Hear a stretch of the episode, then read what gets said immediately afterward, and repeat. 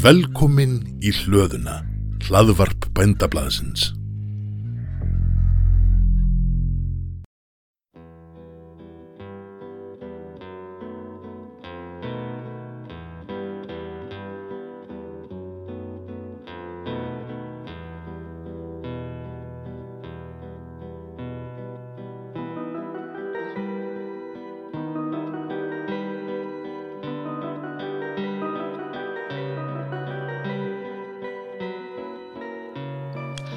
Komið sælir hlustendur góðir og velkomnir í þennan þátt af blöndu hlaðvarpi sögufélags. Í dag ætlum við að tala um uh, ættarnrem. Til okkar er komin maður sem að er nú á síðust árum orðin sérfróður um þau sennilega eftir að hafa setið skriftir í nokkra hríð og uh, höfundaverki tilbúið ættarnöfn á Íslandi Pál Björnsson, sakfræðingur og prófessor við Háskólan og Akureyri. Velkomin í blöndu, gaman að sjá þig. Takk. Bókin komin, ertu ekki gladur? Jú, ég sá hann í gæri fyrsta sinn og Já. hún er líst vel á hana. Hún er, uh, sem sagt, hönnunin á, á bókinni er mjög flott. Þannig að ég er, já, þá er ég til dæmis að tala um kápuhönninu. Já. Þannig að þetta lítur mjög vel út. og hún fer vel í hendi, það er að lesa hana ekki innbundin, þannig að maður getur svona þjóstnast svolítið meira á henni kannski heldur Já, þetta er, þetta er kilja. Þannig að, uh, þannig að hún er, hún er mjög þægileg, já.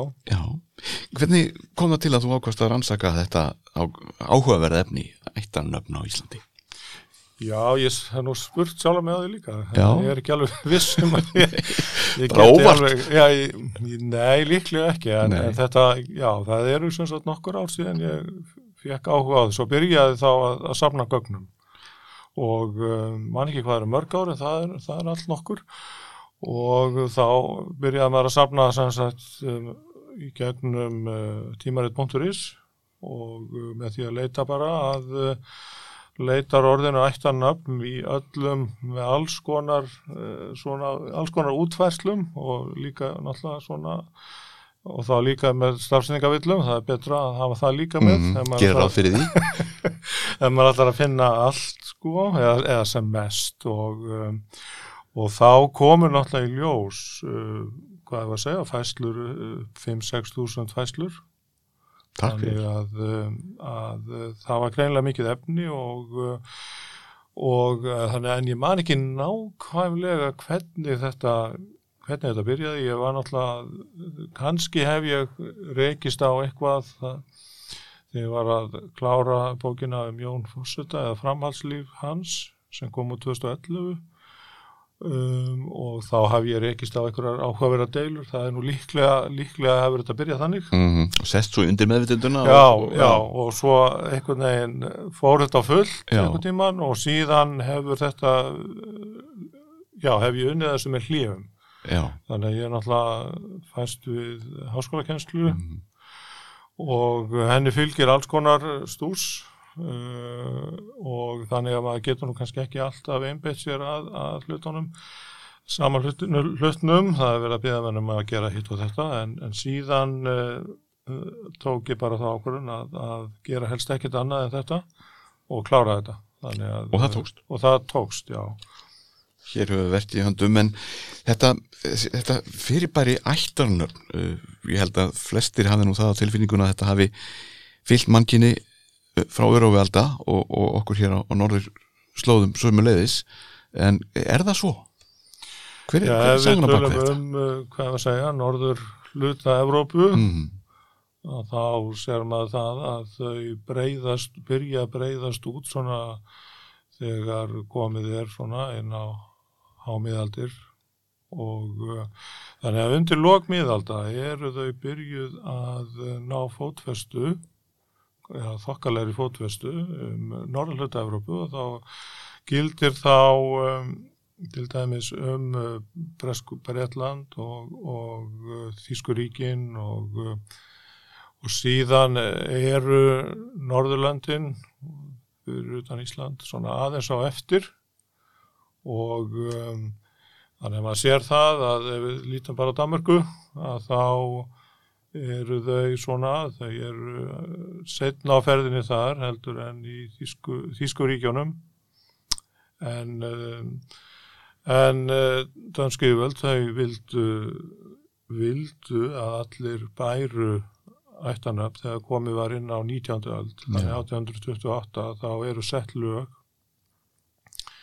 sem tóku gildi í Danmarku og reynda færiðum líka að, að, að allir skildu taka upp ættanöfn. Ísland undanskili Já, það, já, þannig var nú staða hjálendunar að, að uh, það var ekki sjálfkrafa uh, yfirfært á Ísland. Þannig að en hugmyndin var svo sem sagt að skilda alla, það er ekkit val um það og, og það var gert. En maður sér síðan í, ef við höldum okkur við Danmarku að, að það gengur mjög hægt að uh, útbreyða uh, ættanöfn í, hennu dreifðari byggðum. Þannig að í svona landbúnaða hér um Danmarkur að þá heldum en áfram að kenna sig við föður kannski einhverjum tilfellum móður en aðalega við föður. Þannig að- þannig að þar helst föðurnafna síðurinn sem svo mætti nefna. Eiginlega alveg þangað til um, um 1900 cirka. Já, Þannig að Svona það, þá er hægt að segja að, uh, að Danir séu komnir með ættanum. en Og svo eru náttúrulega íslen, íslenski námsmenn í, uh, já, aðalega við Hafnan háskóla að búin að vera auðvitað lengi og fylgjast með því sem er að gerast. Uh, eins og ég segi, það eru þetta dreifðari byggður sem eru svona aðeins setni til, þannig að þetta er þéttbýlisfyrirbæri og það gildur um öll Norðurland. Þannig að íslenski stúdentar við Hafnar Háskóla, þeir byrja svona aðeins að, að nota þetta fyrirbæri, þannig að maður sér að, að og þeir taka þau þá með sér uh, þegar þeir snúa heim til Íslands og um, þannig að maður sér þá 19. öld að þá er, uh, þá er svona fjölgun nafna, það eru kannski 100 nöfn í byrjun aldar og kannski kringum 300 í lok aldar. já ís, semst íslensk ættan Ís, á uh, ættanöfn í notkun á Íslandi. Já, en uh, bara forvetni sækir uh, rökin fyrir því að skilda fólk til að taka upp ættana koma þau einhverstað fram, eru þau mjög skýr? Nei, það var reyndar aldrei í umræðin á Íslandi. Nei, Það, það voru ekki kannski alveg, já, best að slá þann varnagla að það voru örfáir, örfáir sem lögðu til að, um, að skilda bæri Íslendinga til, til að taka upp ættanöfn. en í Danmörku var það ekki? Já, það var gert, já, já, og, um, en, en það, og það er aldrei merkilegt að það skuli ekki, að umræðin á Íslandi hafi aldrei farið þá áttina, þannig að þeir sem töluðu fyrir ættanöfnum að þeir uh, vildu eða óskuðu sér, óskuðu sér þess að uh, fólk hefði möguleika mm á því að taka sér upp.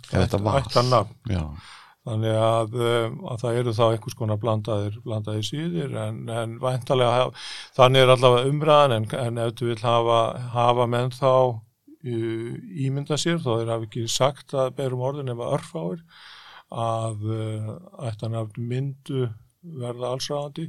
Uh, sko reyndar, jú, jú, það er reyndar til alveg, alveg heimildir um það að, Mhm. að, að, að þó að menn tali ekki fyrir því að skilda byrja alla til þess að taka bættanöfna þá segja menn þá reyndar í hinn orðinu að ættanöfn muni verða allsráðandi. Já, menn sjá fyrir þessum svona einhvers svona framtíða músík Já, það muni gerast hér eins og annar staðar. Og uh, en uh, menn er svo sem ekki að nefna það uh, að til dæmis í Danmörku hafi menn verið skildaðir til þess að, að taka þau. En þetta snýrist náttúrulega um, menn lítu á þetta sem sko atriði sem svona, sem svona til þess að Íslendingar gætu eða Íslensk þjóð gætu orðið þjóð meðal þjóða Mhm. að þá þyrftu þeir að fara þessa sömu leið og hinnir annars er þið lítið niður á þá.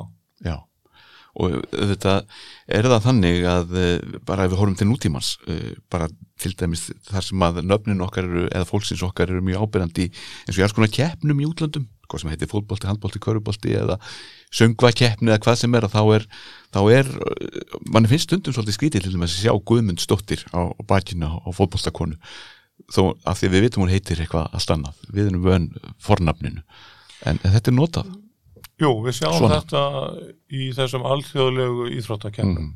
Já, þegar og uh, þannig að það er verið að laga sig að, uh, hvað að segja, þeim hefðum sem eru, eru ríkjandi á þeim stöðum þar sem við komum til starfar eða, eða við komum til keppni fer fram. Einmitt. Og uh, já, en annars fjalla ég reynda daldið um skýrnarnafna síðin í í þessari bókum ættanöfn. Já, enda, enda tengist þetta Já, það, það var eitthvað sem kom mér óvart. Ég, ekki, ég var ekki búin að sjá það alveg fyrir að, þegar ég uh, byrjaði, byrjaði á þessu að, um, að þegar ættarna, eða þegar deilurnar um ættarnafnu verða frekar heitar á Íslandi, hvað var að segja, á öðrum áratu í 20. aldar, að þá uh, byrja anstæðingar ættarnafna á að tala um það að uh, nöfn eigi, að stand, nöfn eigi ekki að standa þver öfug eins og þeir orðuðu það. og þá áttuður við það að uh, þegar fólki væri raðað upp í, í ymsar skrár, til dæmis símaskrá, skattskrá uh, post, uh, skipulag postmála uh, og, og spjaldskrá landsbókasaps og alls konar hlutir Mhm. því tengdu að þá yrði ekki þá yrði eftirnafnið ekki látið gilda Nei. en það var sem sagt byrjað að ná tölverðir útbreyslu á öðrum áratögi 20. aldar og maður sér það að símaskrá landsímans 1913 skattskráin í Reykjavík, pósturinn í Reykjavík, eh, spjaldskrá landsbókasaps á þessum árum var öll, þetta var allt saman fært sangkvæmt eh, eftirnafni og gildi þá einu hvort um var að ræða ættarnafn eða bara hefð, hefð kenningu til uh, föður eða móður í ykkur myndatekningatilfellum Mhm. og uh, þannig, að, þannig að það kom fram þarna mótmæli alda og, uh, og anstæðingar ættarnafna ríðu sem sagt á þessari öldu. Já, og beittu sér þá mjög hart fyrir því að skýrnarnafnið yrði látið gilda. Og um, og það má kannski segja, jú, það má segja að þeir hafi þá unnið sigur já þeirri- einhvers konar. einhvers konar sigur. Og, um, og ég rek þessar deilur aldrei sko alveg til samtímans. Og um, tek dæmi um það hvernig fólk er að tjá sig um þennan já, má kalla þetta skýrna nafna síð Já Þetta er óvalgengt, þetta er ekki Þetta- tíðkað annars staðar eða allavega ekki, ekki svona í nágrinni við okkur ekki, nei, þetta er, þetta er aldrei, hvað var að segja, íslensk, sér íslensk já, og maður velti svolítið fyrir sér að því að, að, því að fletti gegnum bókina að maður fær svolítið svona pínleitlega andofstilfinningu sérstaklega þetta á 19. öldinni að ég fór þá í hvað ef söguna sem okkar ágætti fórseti hefur nú verið hvað hrifnastur af að ef að eh, þessi skilda hefði verið sett á í Danmörku um það að taka upp ættanöfn kannski hálfri öld eða öld fyrr hvort að Íslandingar hefðu þá verið tilbúnari í það eh, öfugt við það kannski sem var á 19. öldinni þegar að þessi sjálfstæðis hugsun var að hefjast eh, fyrir, fyrir alvöru vestur því eitthvað fyrir þér? Já, ég er svona með þessa uh, skýringar tilgáttu allavega að, um, að þetta tengis eins og, þú nefnir þjóðatinsíkju og hugmyndum um auki sjálfstæði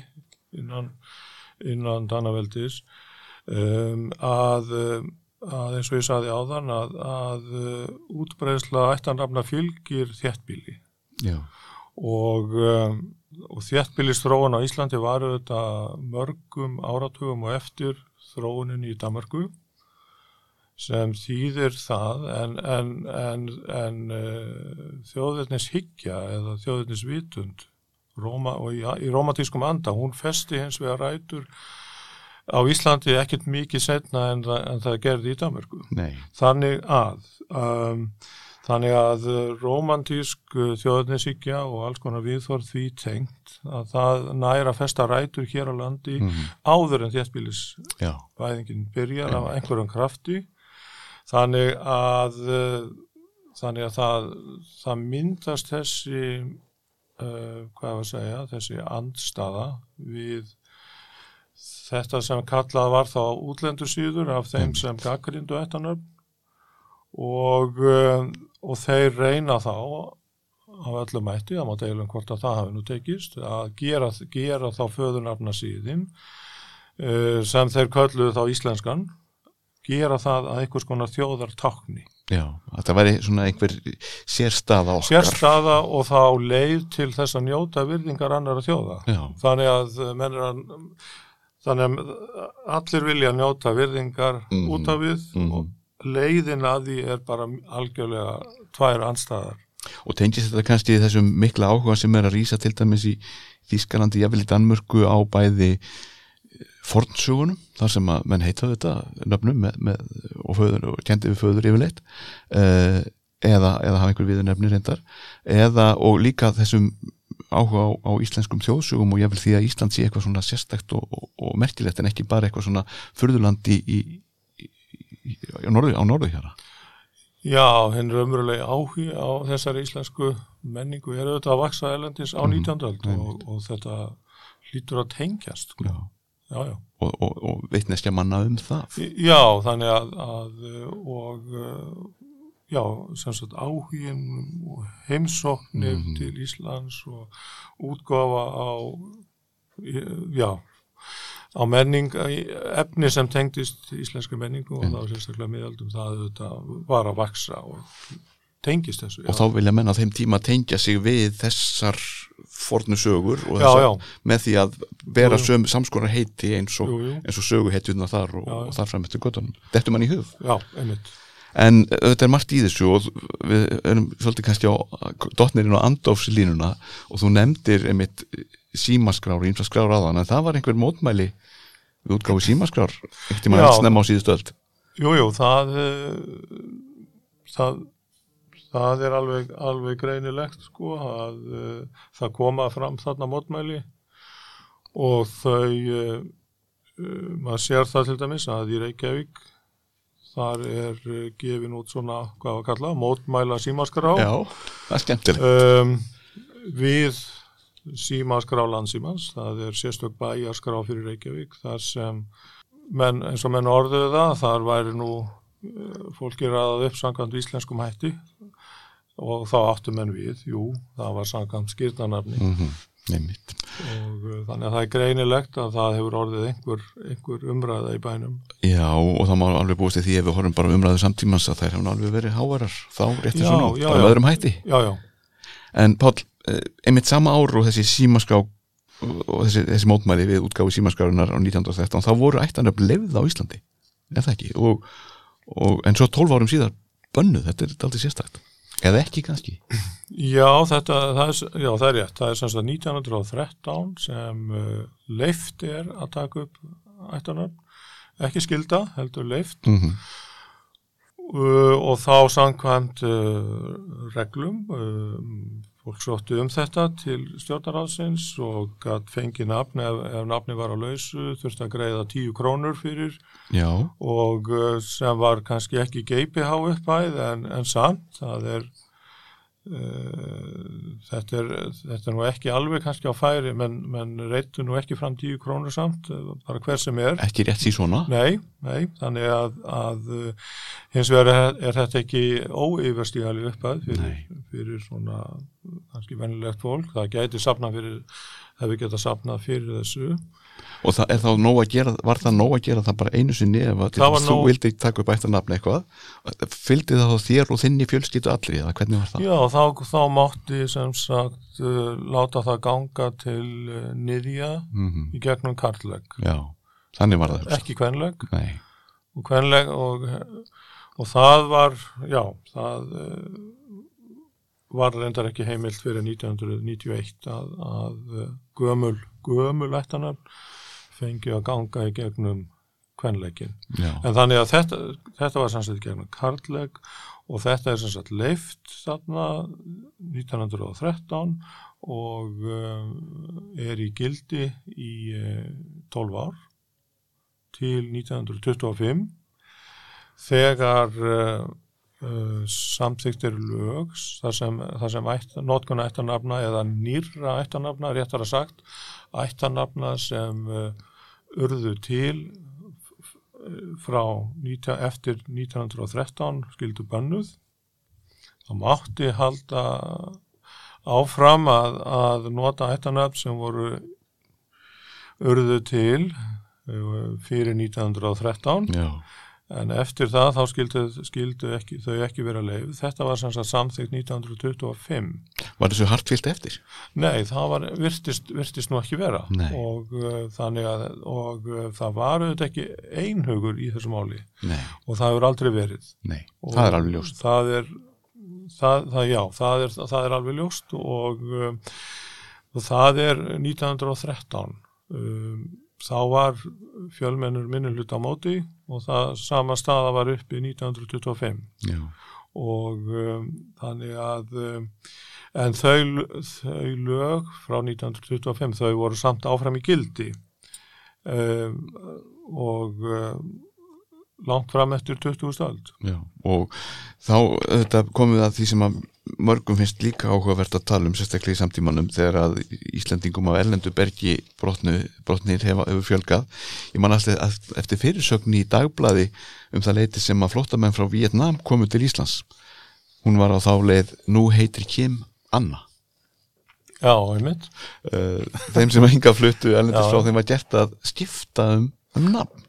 Jú, það breyttist þarna uh, upp úr miðri 20. öld upp úr 1950 já, að þá þá er svona ums, umsóknum um íslenskan ríkisborgarrétt aðeins farið að fjölga um, og um, og uh, það voru þarna þingmenn sem á- höfðu sem sérna sem uh, þeim var orðið svona taldið um, umhugað um það að, að venda íslenska nafnaflóru. Mm, og gaggríndu þá þessi, þessi nöfn og það voru svona sem voru svona byrjuð þá sem sagt fram að því þá hafði það verið þannig að þegar íslenskir erlendi ríkisborgarar fengu íslenskan ríkisborgarar rétt að þá þurftu ekki að skipta um nafn. nei, þeir fengu að halda sín Þeir fengu að halda sínu og, um, og um, maður sér það nú á, á svona bladaumræðum svona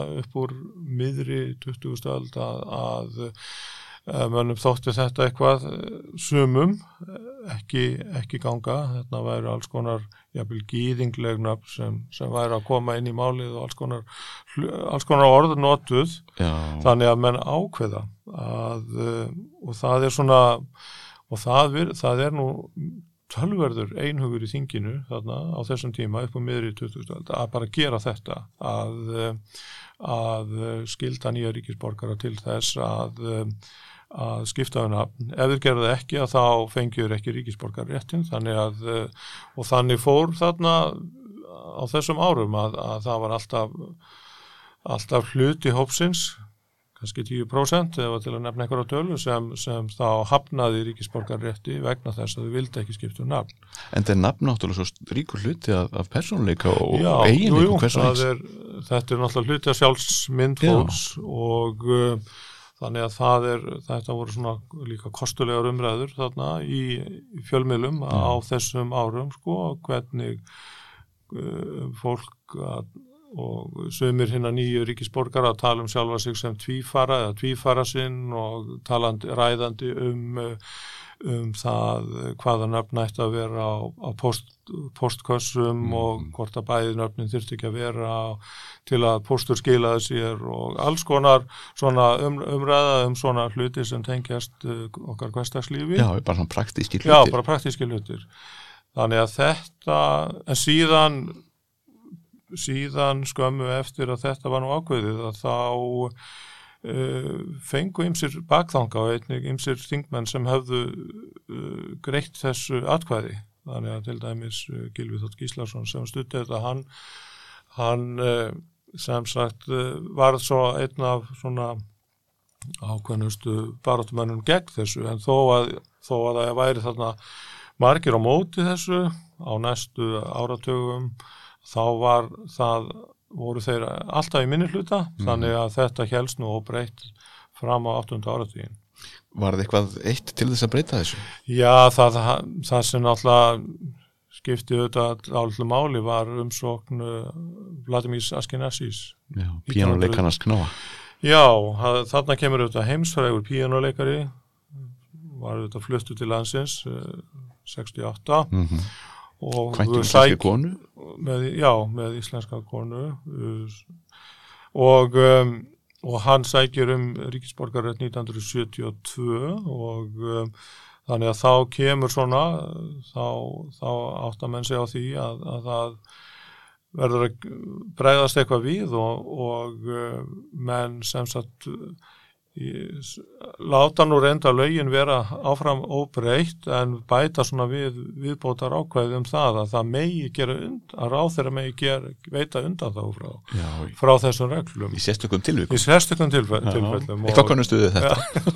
Og, um, og uh, þannig hann fekk nú að halda sínu nafni og, og 1985 var síðan samþygt að uh, leifa þeim sem höfðu þurft að breyta nafni sínu að taka upp fyrir nafn. Mm en uh, þannig að það var uh, þess, þetta auðvitað tengist þessari, þessari umræðu og ég segi frá þessi bókinni Já, og ræði um þetta.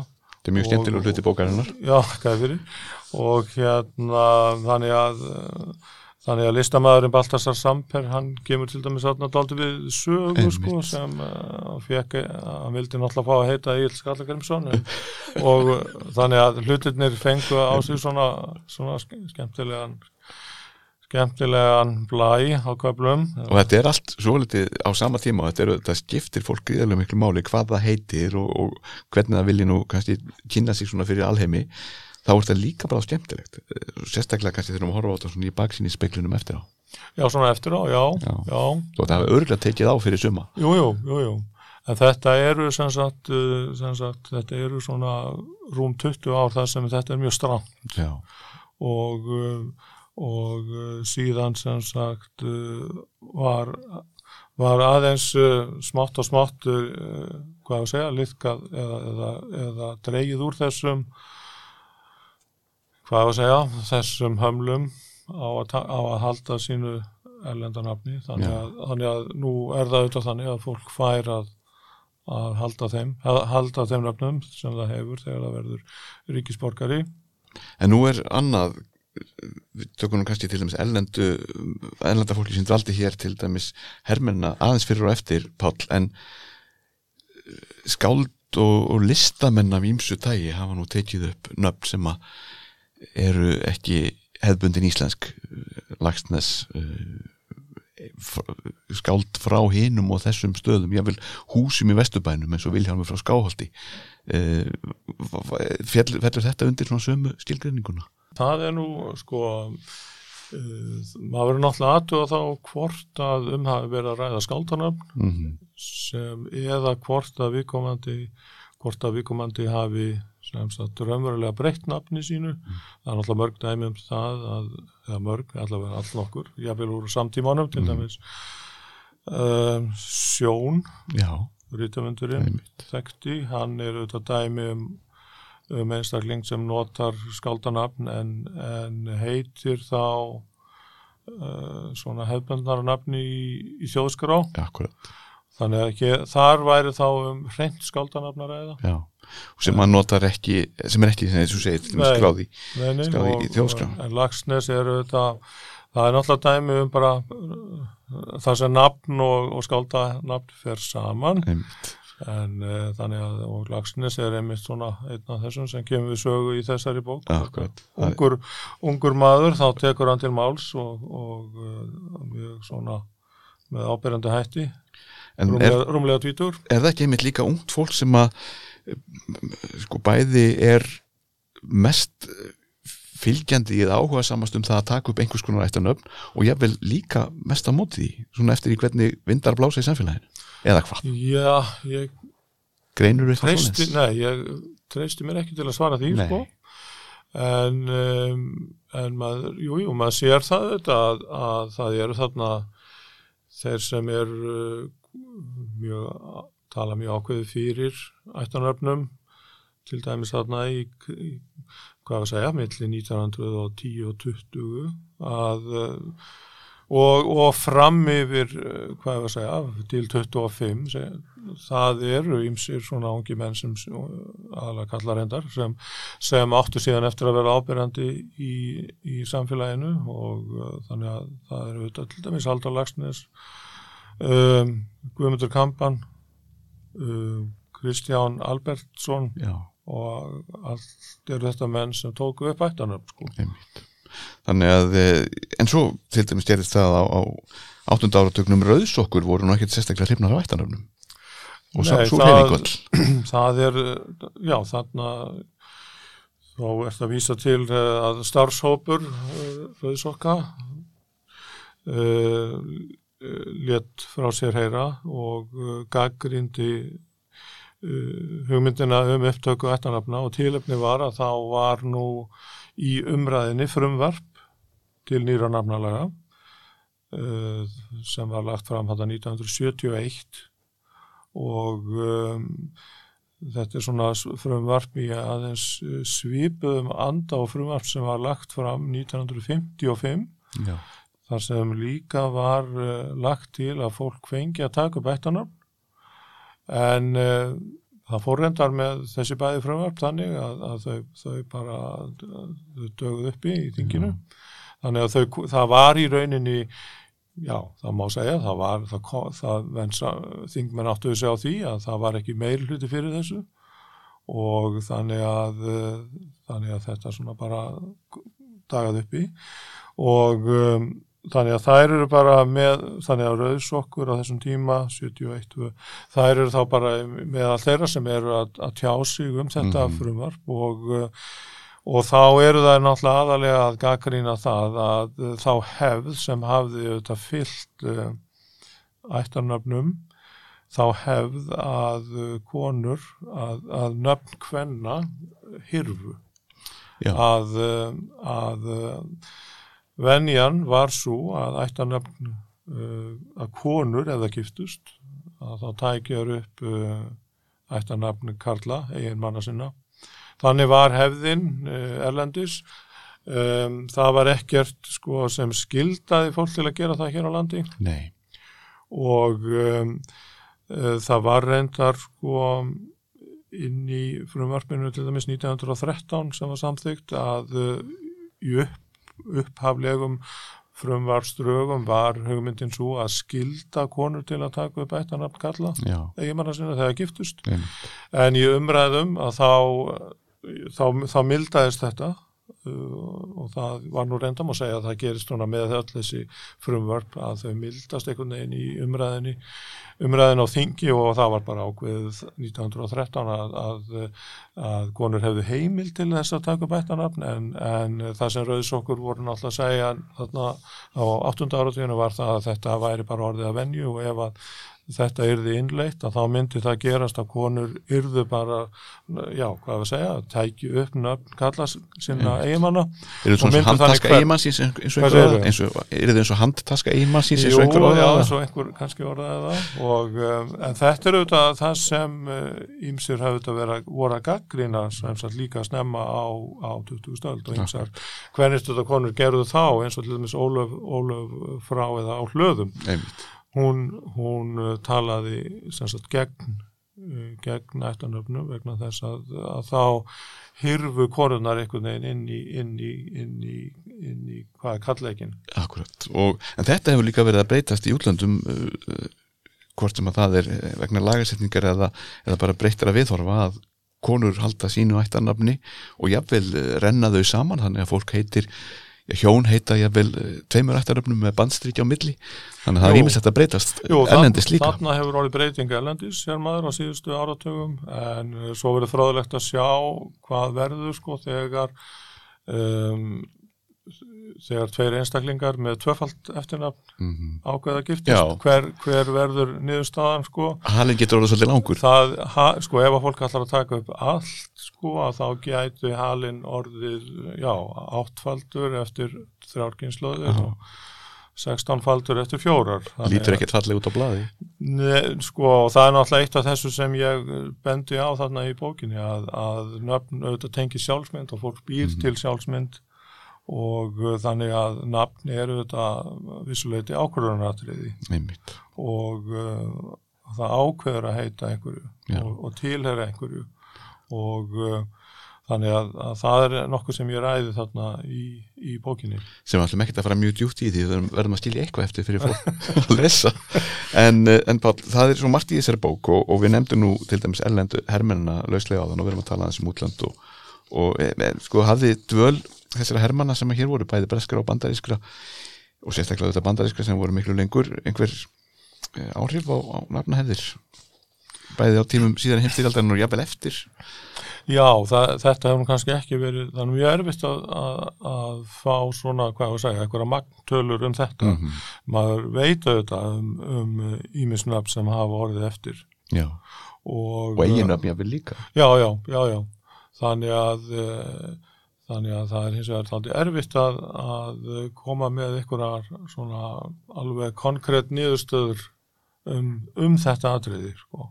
Það er allavega þyrfti þá að, að, að fara í mjög svona tímafrekar rannsóknir Já. til þess að komast að því. og það er kannski efni allt annað Já, aðra ég rannsókn svo að vera efni heila rannsókn. Já, sem að kannski verður ekki alveg að bóka en ég vil mögulega greina einhvers stað en uh, hérna hefur, hefur farið svona um víðanveg, uh, víðanvallum um þetta sem þú hefur verið að skrifa um og, og þessi bók er auðvitað mjög áhugaverð fyrir fólk af því að það hafa allir áhuga á nöfnum og hvað fólk heitir og, og þetta vakt, hefur alltaf vakið mikla, mikið umtal og, og umræður þegar að nafna hefðirnar hafa, hafa borið á góma.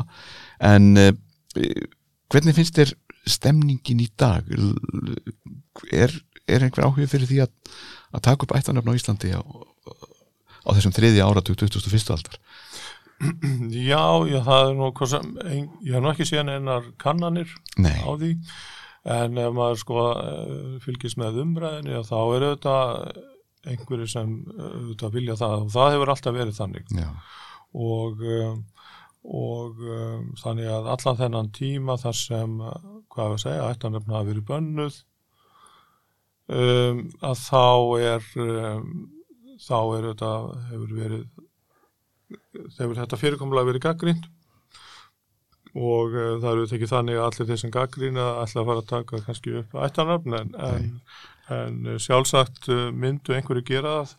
Nú uh, nú anstæðingar þess sem tal já, anstæðingar þess sjónamist að taka leifa ættanum að þeir tala reyndar daldið um þetta mm uh, atriði Já. og uh, og þeir uh, sumir hverjir hal, segja hafa sagt á síðustu áratugum fullum fjöldum að uh, ef að ættanöfn myndu verða leifð að þá myndi gamli föðurnafna sigurinn deyja út á skamum tíma.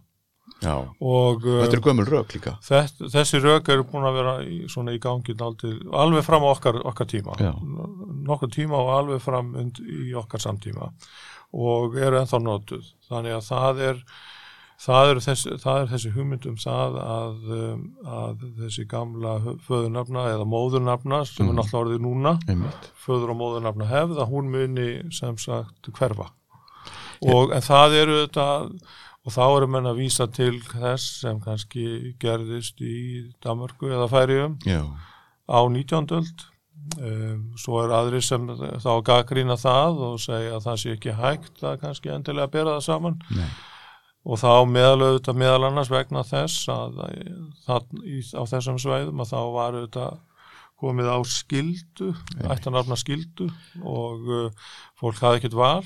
Réttur er annað Já, já, já, þannig að, það, þannig að það er sem sagt mjög erfitt að segja til um það hvað myndi gerast ef að, ef að, eh, ef að ættanefn myndi vera leið, þeim myndi væntalega e- eitthvað fjölga en myndi þeim fjölga mikið, það er eitthvað sem við, sem við deilum umvist. og það, já, og eigum örglega eftir að gera það lengi Já, við munum, já, maður veit, það er, það er mjög erfitt að, að átta sig að því hvað myndi gerast. sumum kann að finnast að ég vil bara eitthvað kjánulegt og álappalegt að fara allt í að taka upp eitthvað ættanafn og, og svo öðrum finnast það bara töff og skemmtilegt og ég vil eitthvað sem að var til í ættinni áður sem að fólk ég vil veiði sér þá inn í, inn, í, inn í nýja tíma þannig að það er alls konar hlutir í þessu en svo er annað sem hefur verið að gerast núna til dæmis eins og að við nefndum nú kappleikin á alþjóðlegu íþróttamótin öll að nú er til dæmis fyrir bæri dóttir orðið mjög hátt skrifað og það er notað ég vel í markaðskynningu fyrir Ísland og, og, og, og tvær ungar konur hafa ég vel stofnað fyrirtæki þar sem að þeir eru að bjóða vöru sem að ber vöru heiti dóttir. Þannig að Jú, þessi, jú, þessi jú. hefð hefur, hún, Jú, það, er, það er þessi hefð nýtt.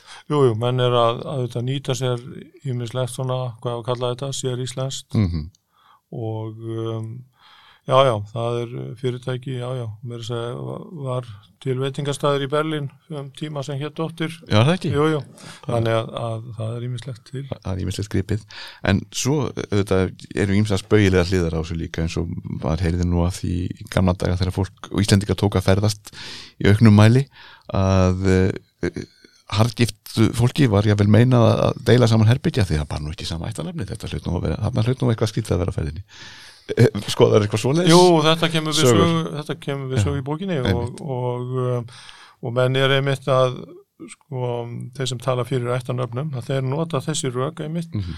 að þetta þurfi bara þess, þetta ástand að, að þegar konur eigin konur ferðast með eigin mönnum sínum það, það er alltaf það var yfirleitt, þannig, þannig þannig var það orða líka. Einmitt, að það er ferðust með, en kallarnir ferðust en það er ferðust með að þá lendu þær stundum í þessu að, og þá þurfti kallin að, að útskýra kannski íslenska nafnahefð og um, og uh, nú sumir sagðu að þetta væri ekkert mál að útskýra þetta. Nei, aðrir sagðu að þetta væri bara algjör, algjörlega óþólandi að þurfa og við erum að tala kannski um miðjan, miðjan miðja 20. ald og upp úr miðri 20. ald þegar menn fóru svona að, að, að ferðast eitthvað að ráði eftir að menn voru búin að jafna sig á síðari heimstyrjöld einmitt að um, sífælt fleiri lentu, lentu í þessu og um, þá nú eitthvað brugðist við með því að að uh, s- leifa fólki að setja, að leifa köllum að uh, eða sem sagt að, að leifa það að það kæmi fram í vegabrifum fólks sko, að uh, hver væri giftur hverjum. Einmitt, svona til þess að auðvelda útskýringuna. Já, til þess að auðvelda hlutina og jafnvel þá var dæmi um það að það væri sem sagt uh, uh, kona væri komin með sem sagt eftirnafn um, eigimannsins að auki. Já, í vegabriði já, í sitt vegabrið þannig að, að það Þetta voru náttúrulega, það má kannski segja þetta hafi verið raunveruleg vandamál á vissu, vissu tímabili en þannig er náttúrulega verið að kljást við ákveðin, ákveðin menningar við þorfi, til kynjana sko. já, já, Nú er þetta þetta horfið, nú er, nú er þetta náttúrulega fyrir löngu búið. já, vegna- vona það Vegna þess að, að Erlendis er fólk auðvitað innan sömu fjölskyldna eru fólk með alls konar nöfn. já, já, Þannig að þetta er náttúrulega bara, já, þetta er bara svona liðin tíð og þetta er bara sem, þetta það á, á þá einfallega við bara örfá áratugja á 20 stöld, þetta Já. myndi ég halda.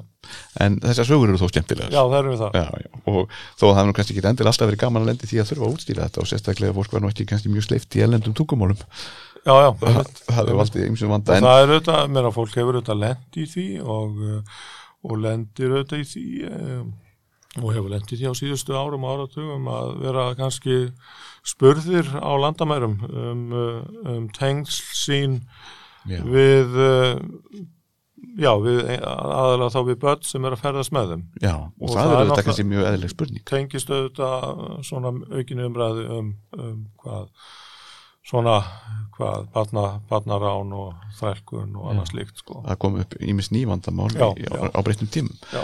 en þú ert búin að vinna þessu í, í- um nokkur tíma Páll og, og fegstu þegar fólk komst á snóður um hvað það var að gera var, var fólk tilbúið að koma til þín og segja alls konar sögur og, og var, varst eitthvað var við það?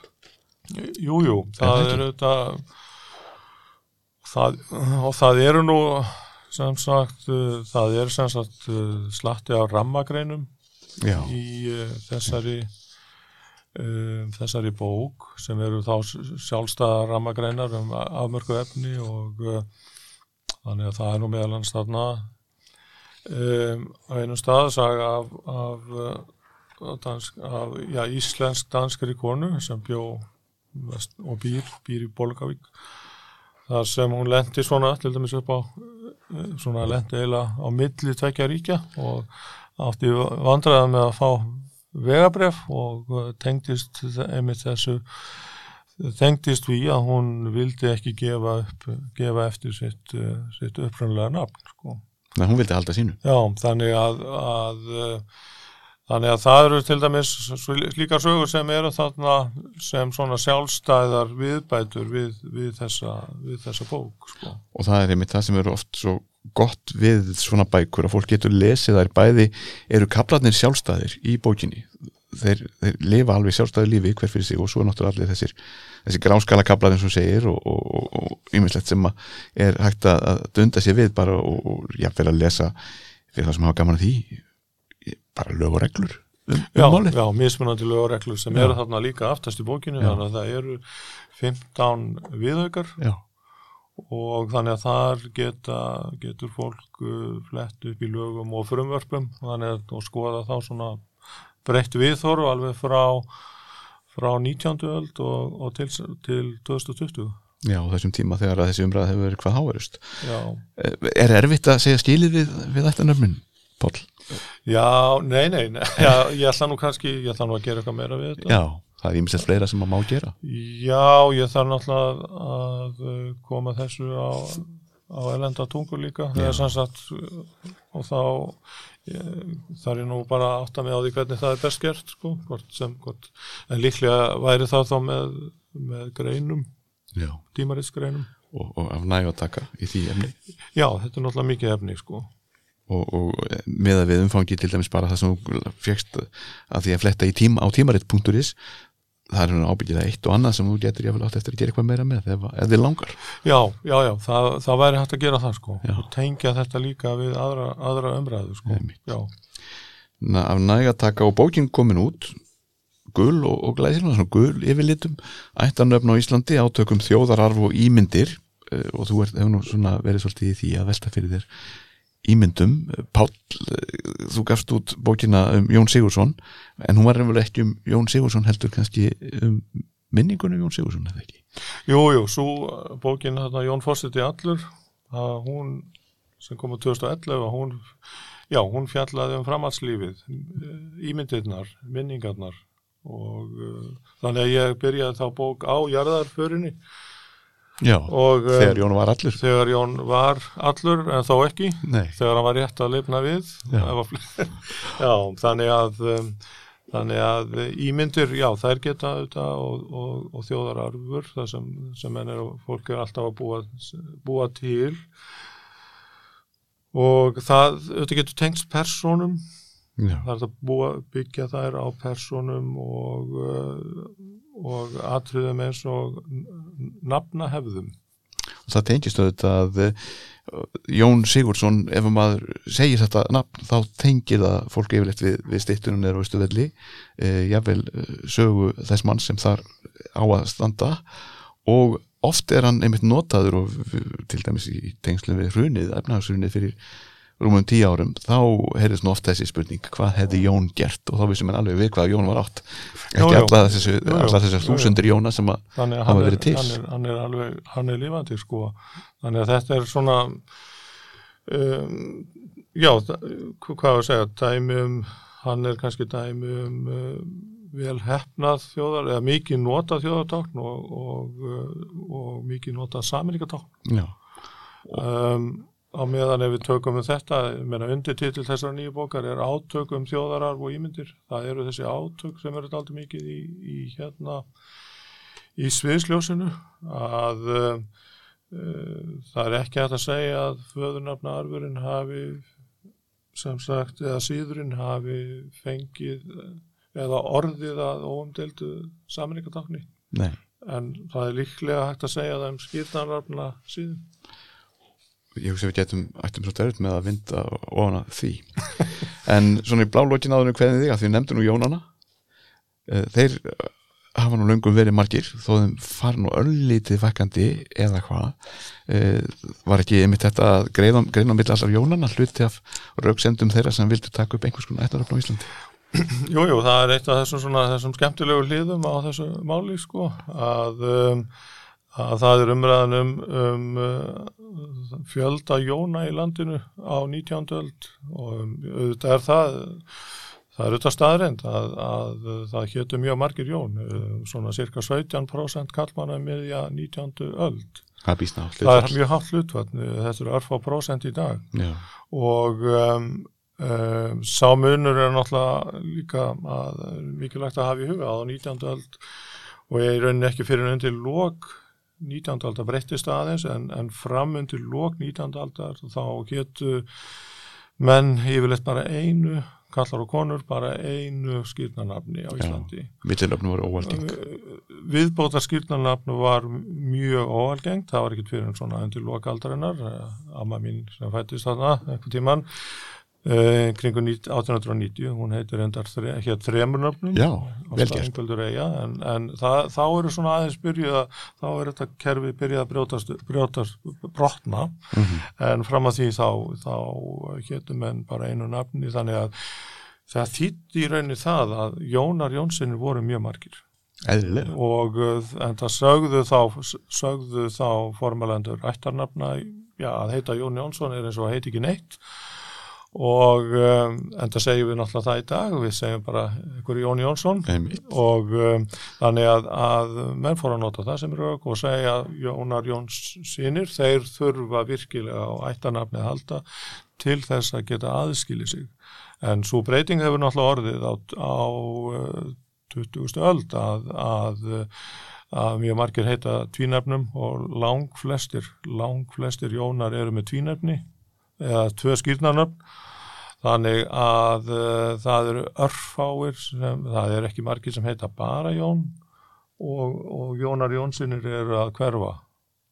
Þannig að það er það er ekki margir eftir. Nei, og þá yngsti, meina- ég held að svo yngsti síðan ferstugt Já, svona þess já, Já, er það popstjarnan okkar? Nei, ég, ég held að, nei, það er, því hann notar þetta náttúrulega aðalega sem, popstjarnan notar þetta sem listamannsnafna einhverju leiti, en, en eh, fækkun þeirra sýnir náttúrulega vel, eða gerir, gerir honum mögulegt að, að nota þetta sem Já, listamanns. þá var næstínu fann að stýra sig úr. Já, Páll Björnsson, við hefum getað talað í allan dag um, þetta áhugaverða efni ættarnöfn á Íslandi og auðvitað alls konar átök og, og ekki síst kannski um ímyndir og, og þjóðararf.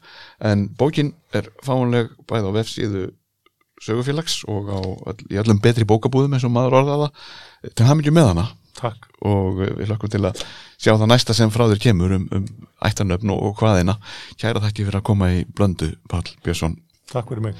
Við ætlum að kveðja í dag en uh, hvetjum ykkur til að skondra út í bókabúðu eða á vefin og uh, kynna ykkur ættanöfn á Íslandi nýju bókinans Páls Björnssonar. Ég get lofað ykkur því að hún er ánægulega lesning. Verðið sæl.